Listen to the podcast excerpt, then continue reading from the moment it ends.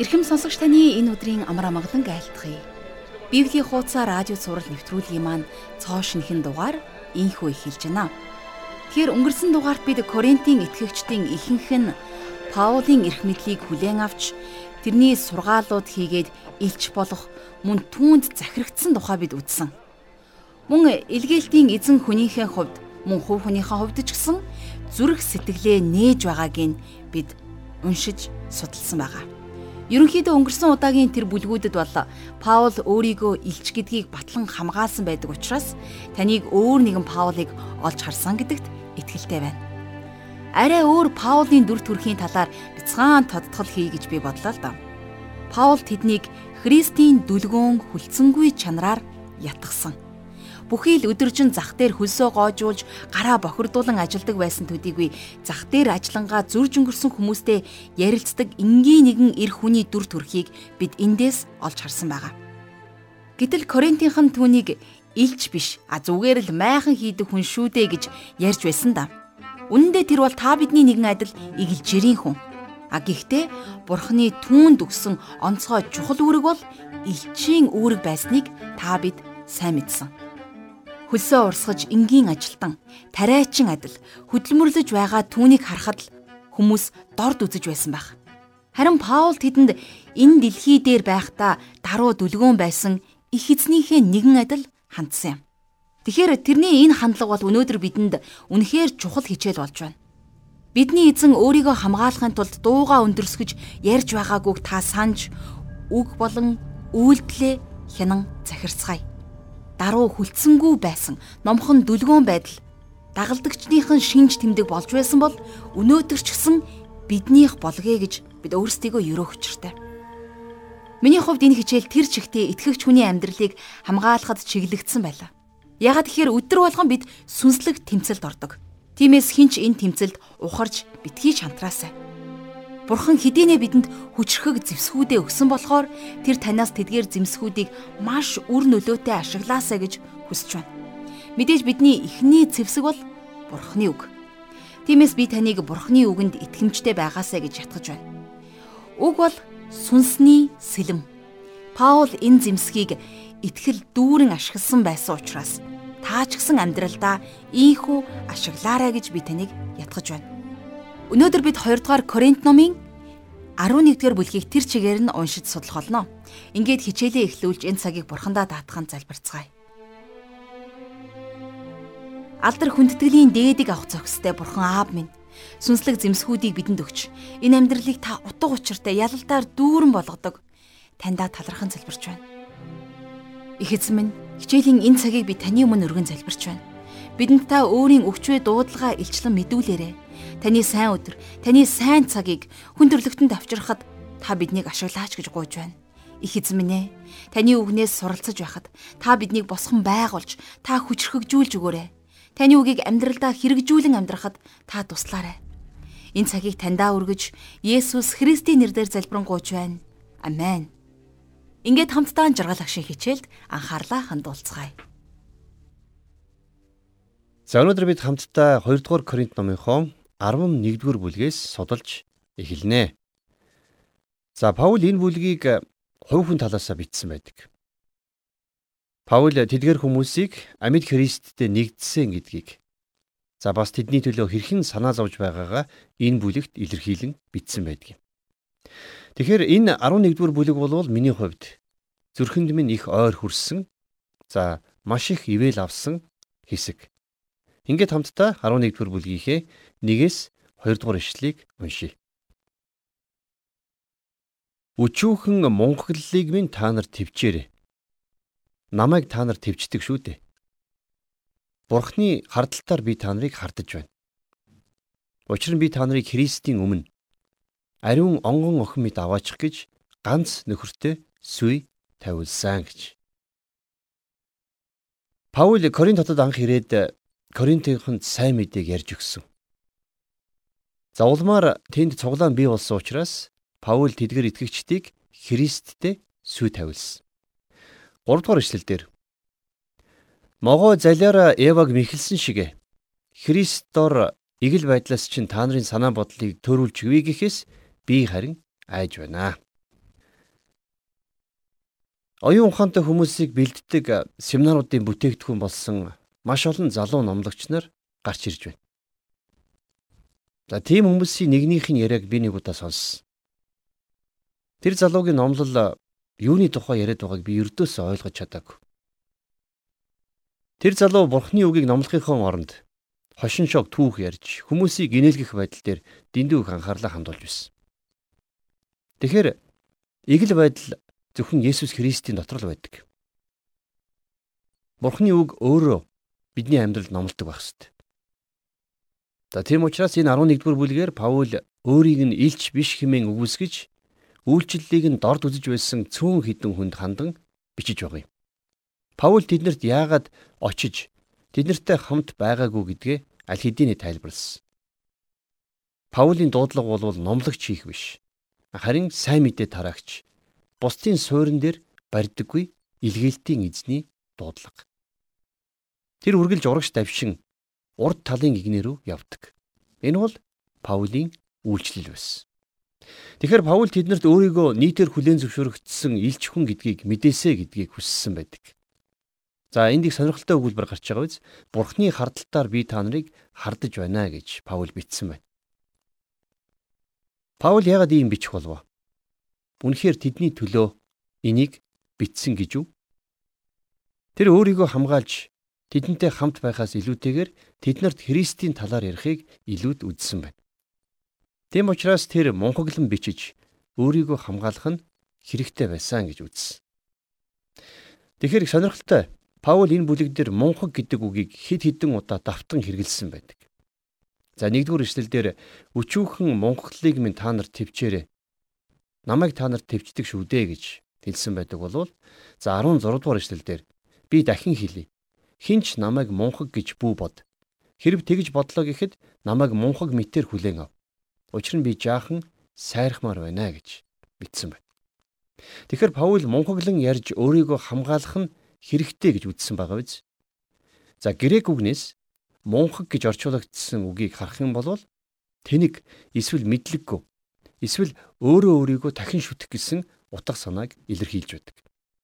За үгчлэн хэлэх юм бол ямар ч зориггүй утга учиргүй явдал гэсэн үг болон бууж байна. Өөрийгөө хамгаалж тэднэртэй хамт байх нь ямар ч утгагүй явдал. Тийм учраас сайн мэдээ тарааж байгаа явдал биш юмаа гэдгийг тэр энд батлан хэлсэн.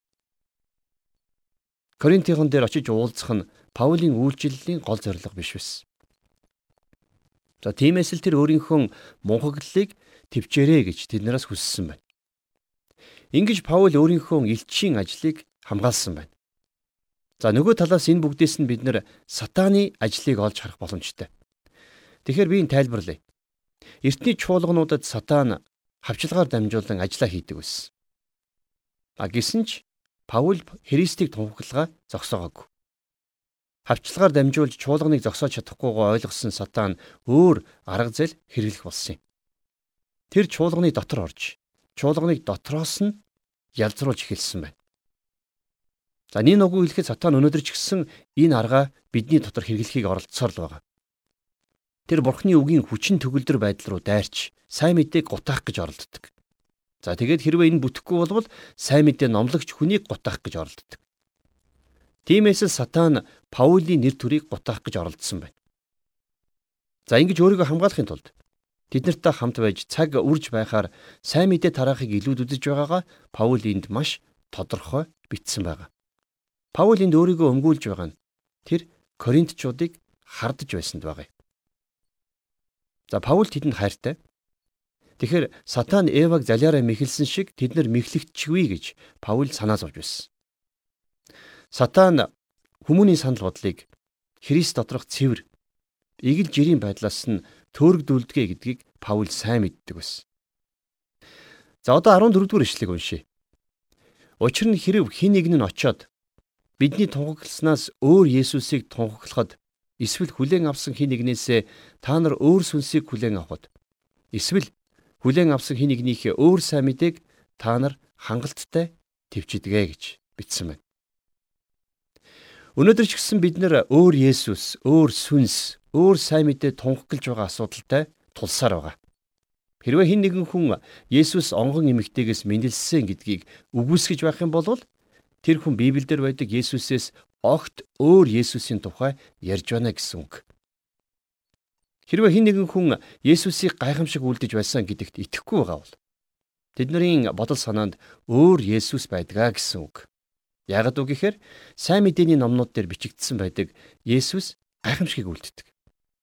Зарим хүн Есүс энэ дэлхийн гим нүглийн төлөө өгсөн гэдгийг үгүйсгэж эхэлсэн. За бас тэд нар Есүсийг махан биеэрээ амилсан гэдгийг ч үгүйсгдэг. Тэд нар Есүсийг бурхан бас хүн гэдгийг үгүйсгдэг. Тэгэхээр та бид нар сайн мэднэ. Есүс 100% бурхан, 100% хүн байсан. Хэрвээ энэ баримтыг үгүйсгэх юм бол бид нар шал өөр Есүсийн талаар ярьж байна гэсэн үг. За 11-р бүлгийн 5-р ишлэлийг үргэлжлүүлэн уншийе. Харин тэдгээр онцгой элч нараас дутах зүйл надад үгүй гэж би бодож байна. За би бол хувьдаа Паулийг нэг номерын илч байсан гэж үнэлдэг. А тэр ч өөрийгөө элч нарын дотроос хамгийн өчүүхэн нь гэж хэлэхгүй байгаа. Тэр Коринт хотын итгэгчдийг өөрийг нь бусад ямар ч элч нараас илүү илч гэдгийг мэдээсэй гэж шулуухан хүссэн байна. А тийм ч учраас тэр майхан ойдог хүн болж тэднэр дээр ирсэн. Тэгэхээр Паул Христийн дүлгэн хөлцсөнгүй чанараар тэднэртэй харьцаж байсан нь тэр илч биш байсан гэсэн утга биш юм. Паул өөрийгөө хэрхэн хамгаалсныг үргэлжлүүлээд 6 дугаар ишлээс уншийе. Хэдийгээр би үг ярианд дадаагүйч мэдлэгээрээ тийм бишээ. Үүнийг бид бүх юмсаар тал бүрээр та нарт илчилсэн. За тэгэхээр Паул мэдлэгтэй мундаг хүн байсан. Тэгэхдээ энгийн үгээр ярьдаг ус. Тэгэхээр энгийн байх нь бол Паулийн арга барил байсан. Тэр өөрөө шилж байна тийм ээ. Үг ярианд дадаагүй гэж. За хэдийгээр үг ярианд дадаагүй ч гэсэн Паул бол маш их мэдлэгтэй хүн байсан. Тэрний бичсэн загтлуудаас нь харах юм бол би тэрнийг энэ дэлхий дээр байсан хамгийн өндөр IQ-тэй хүн байсан бахаа гэж хувьдаа дүгнэдэг. За 7-оос 9 дэх ишлэл. Та нарыг өргөмжлөхийн тулд өөрийгөө дорд болгож Бурхны сайн мэдээг та нарт үнгүй тунхагснараа би нүгэл үйлдсэн хэрэггүй. Та нарт үйлчлэхийн тулд би бусад чуулгануудыг цөлмөж хөлс авч байсан. Би та нар дээр байхдаа юмар дутаж байсан ч хиндэж яршиг болоог. Македоноос ирсэн ах дүүс хэрэгцээг минь хангаж байсан. Алив зүйлээр та нар дараа болохгүй тулд би өөрийгөө хичээж байсан бөгөөд хичээгч болноо. Тэгэхээр эндээс харах юм бол Паул Коринт хотынхноос ямар ч санхүүгийн дэмжлэг авч байгаагүй.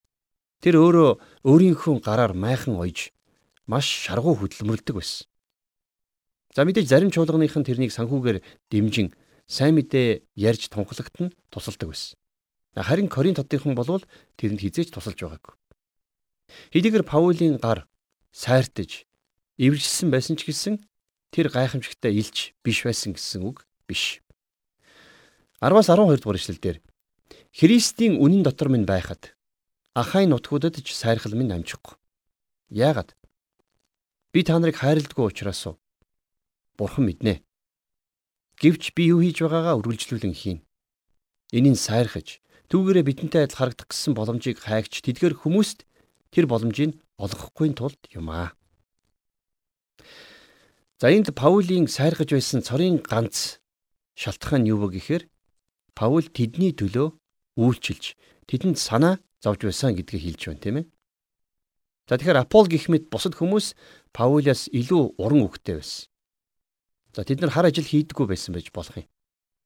А гэхдээ бид нар энд ямар нэгэн харьцуулалт хийх гээгүй. Паулийн хувьд бол тэр майхан ойж өөрийгөө санхүүжүүлдэг байсан. За дээр утгаараа Паул Коринт хотынхноос ямар ч мөнгөнд төлбөр авч байгаагүй. А гэхдээ энэ нь тэрнийг илж байх эрхээс нь хасах зүйл биш юма гэдгийг Паул тодорхой хэлсэн байна. За тэгээд 13-аас 14 дугаар ишлэлдэр Учир нь тэд хуурамч элч нар, залтай ажилчид, Христийн элч нар болж хувиргсад. Гайхах юм алга. Сатан хүртэл өөрийгөө гэрлийн тэнгэрэлч болгон хувиргадаг. За энд их хатуу хиллэгүүд гарч байгаа. Энэ дээр бүгдээр хамтдаа анхаарцгаая. Христийн элч биш хэрнээ өөрсдийгөө Христийн элч нар гэж зүтгэдэг залтай хүмүүс байсан. За эдгээр хүмүүсийг Паул шуудхан тэд нар бол сатааны үйлчлэгч нар юм а гэж хэлж байна тийм ээ.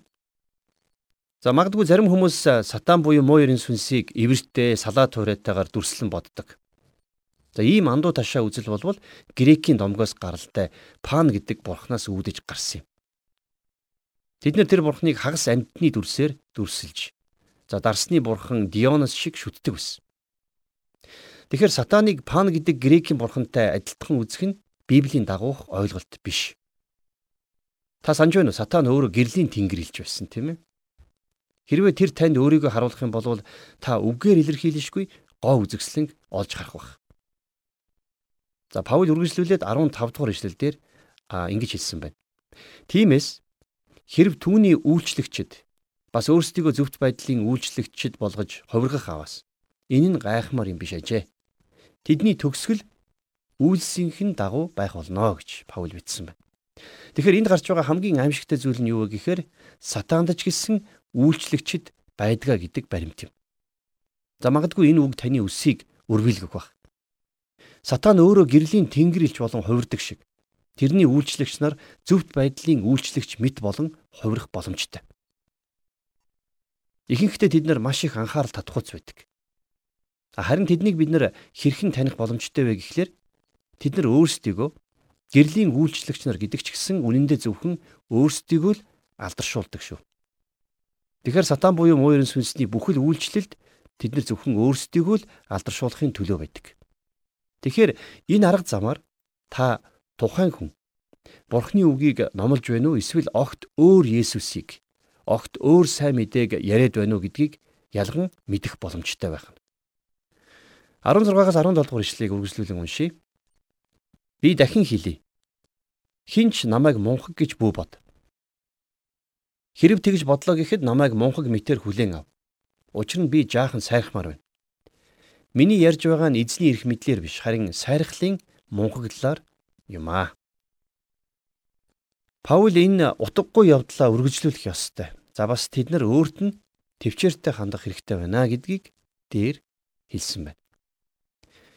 18-аас 19 дугаар эшлэлдэр Олноороо махбодын дагуу сайрхдаг тул би ч бас сайрхна. Учир нь та нар ухаалаг атлаа мунхгуудыг дуртаяа төвчдөг. За энд Паул баг зэргийн өгөөдлийг тийм ээ. За би энийг ариун өгөөдөл гэж нэрлэж болохоор тийм өгөөдлөөр тэднэрт хэлсэн байна. 20 дугаар ишлэлдэр учир нь хин нэгэн хүн та нарыг боолчилж, цөлмөж, завшиж, өөрийгөө өргөмжилж, нүүрэн дундуур чинь дэлсэд авсан ч та нар төвчдөг. За эндээс Паулийн зэмлэл нилээн ширүүсж байгаа. За хин нэгэн хүн тэднэр дээр очиод тэдний нуруунд дээр хуулийн хүнд ачаануудыг тавьж хөдөлмөрийн шулж за тэгээж зогсохгүй өөрийгөө өргөмжлөн тэднийг дэлсэд авахд Коринт хотын итгэгчид энийг хүлцэн твчдэг байсан. Тэд нэр ийм буруу зүйлийг багш нараас авдаг байсан. Харин одоо Паул өөрийнхөө амьдралыг сайн мэдээний үйлчлэгч гэдгээр нь дүрсэлж байгаа яг тэр хэсэг дээр ирээд байна. За үннийг хэлэхэд би маш олон жилийн туршид үйлчлэлд байсан ч гэсэн Паулийн амьдралын талаар уншаад би өөрийгөө зүгээр л тоглоом тоглож байснаа ойлгосон. Би яг Паулийн хийж байсан шиг Христийн жинхэнэ үйлчлэгч байгаагүй. 21-с 22 дугаар ишлэлдэр энэ тал дээр бид мөхс байсан гэдгээ би ичин байж хэлж байна. Харин хинч зоригддог юмд би мунхаглан хэлий. Би ч зориглоно. Тэд еврейчүүд үү? Би ч бас. Тэд Израильчууд уу? Би ч бас. Тэд Авраамийн үр удам уу? Би ч бас. За тэгэхээр энд байна штэ Паул өөрийнхөө уг гарлыг баталж чадна гэж хэлсэн байна.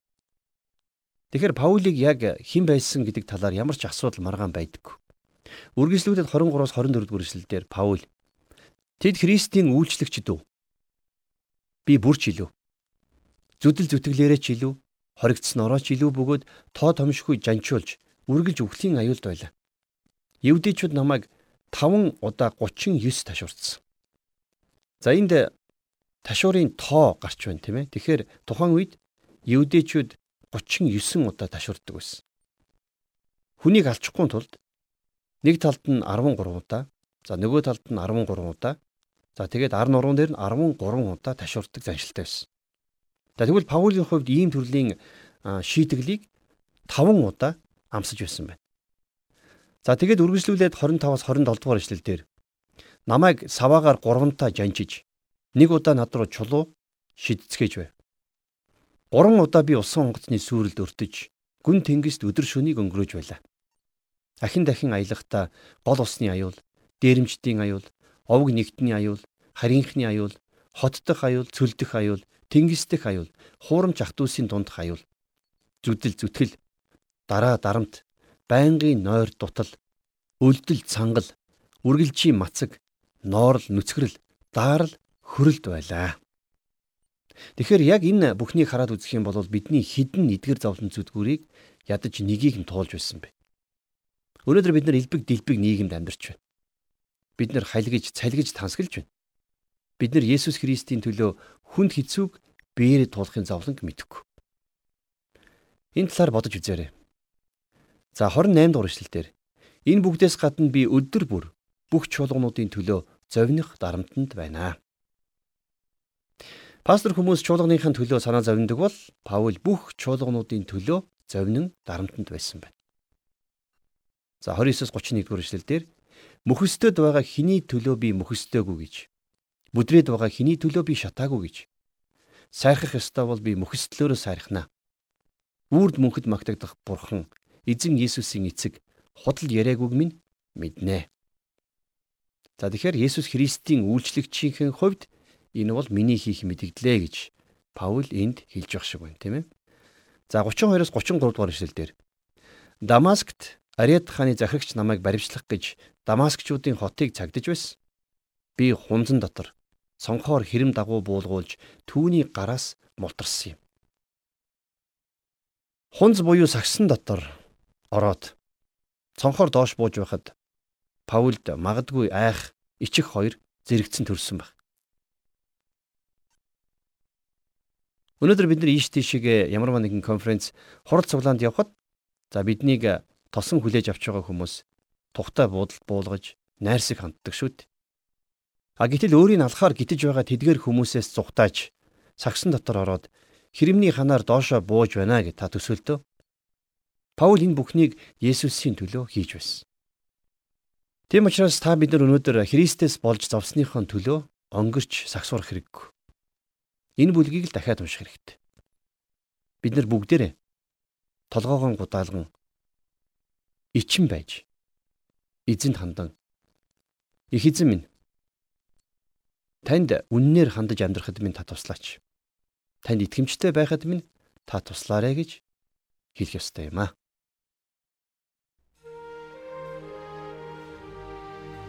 Тэгэхээр бид өнөөдрийн хичээлээр дамжуулан бидлэгтэй хүн бусдад ойлгомжтой байхын тулд энгийн ярьдаг болохыг сурч авлаа. Мөн сатааны үйлчлэгч гэж байдаг тэднийг хэрхэн таньж болох мөн хэрсэн ухааны талаар бид уншсан шүү дээ. Энэ бүхнийг бидэнд үлдээсэн хүн бол Илч Паул гэдгийг та надаар хэлүүлдэггүй сайн мэдж байгаах. Харин итгэлийнхээ төлөө түүнийг хэрхэн зовж тарчилж байсныг бид тийм ч их мэдэхгүй. Тэр бол маш хүнд хэцүү дарамт шахалт хавчлага зовлон дунд энэхүү цагтлуудаа бичиж үлдээсэн. 20 дугаар Коринт намын 11 дугаар бүлгийн хувьд Паул өөрийн хувь хүм талаасаа бичснээрээ олон зүйлийг цагтлаараа дамжуулан бидэнд үлдээсэн. Тэр хүмүүсийг амьд Христтэй нэгдсэн гэдгийг а бас тэдний төлөө хэрхэн зовж санаагаа чилээлж байгааг бидэнд бас илэрхийлэн үлдээсэн. 2 дугаар Коринт намын 11 дугаар бүлэг бол үнэндээ жаргал агшийн адил миний ч гэсэн зүрхэнд хүрч шатсан. Үнэхээр игэл байдал зөвхөн Есүс Христ дотор л байдаг гэдгийг энэ бүлгээр дамжуулан Паул бидэнд харуулахыг хүссэн бизээ. Тэр мунхаглан ярьж өөрийн элчийн ажлаа хэрхэн хамгаалж байсан хэдий ч гэсэн цаадах санаа нь үнэхээр агуу байлаа. Коринт хотод зарим хүмүүс хуурамч номлогч нарт хуурдагдж гажуудсан сайн мэдээг хүлээн авах тэр үхлийн аюулд орсон байсан. Тэгэхээр өнөөдрийн чуулган дотор зөвхт байдлын үйлчлэгчд гэж харагддаг боловч харин сургаалууд нь Бурхны үгдээ зөрчилддөг, дагалдагчдаа сүнсний гамшгууд руу хөтэлдэг хуурамч номлогчд байсаар байгааг үгүйсгэх аргагүй. Нүд хурц, чих сонор байж, муу ярийн сүнсэнд боломж олохгүй байхад энэ хичээл ятхан сануулж байгаа нь үнэхээр үр дүнтэй байлаа. Тиймээс Илч Паулийн адил итгэгч та Христийг тунхаглахаа хизээч зогсоолгүйгээр харин чуулганыхаа итгэгч нарт итгэмжтэй байж тийхүү үйлчлээрэ гэж би таныг ятхан урамшуулж байна. Муу ёрын сүнс хүний санаа бодлыг Христэс төөрөлдүүлж, гим нүгэл рүү хөтлөхийг үргэлж санаарахдаг. Харин бүгдээрээ тэрний эсрэг сэрэмжтэй зогсож, бие биенээ босгон байгуулж, тэнхрүүлж Христийн нэгэн бие байцгаая. Энэ хүрээд өнөөдрийн хичээл маань өндөрлөж байна. Харин сурсан, ойлгосон, мөн хэрэгжүүлэхийг хүсэж байгаа ямарваа нэгэн үг сургаал сануулгын төлөө хамтдаа залбирцгаая. Бидэнд зөвхөн үннийг харуулж, үнэн дотор алхуулдаг хайр инэрлэр агуу баян бурхан аав минь.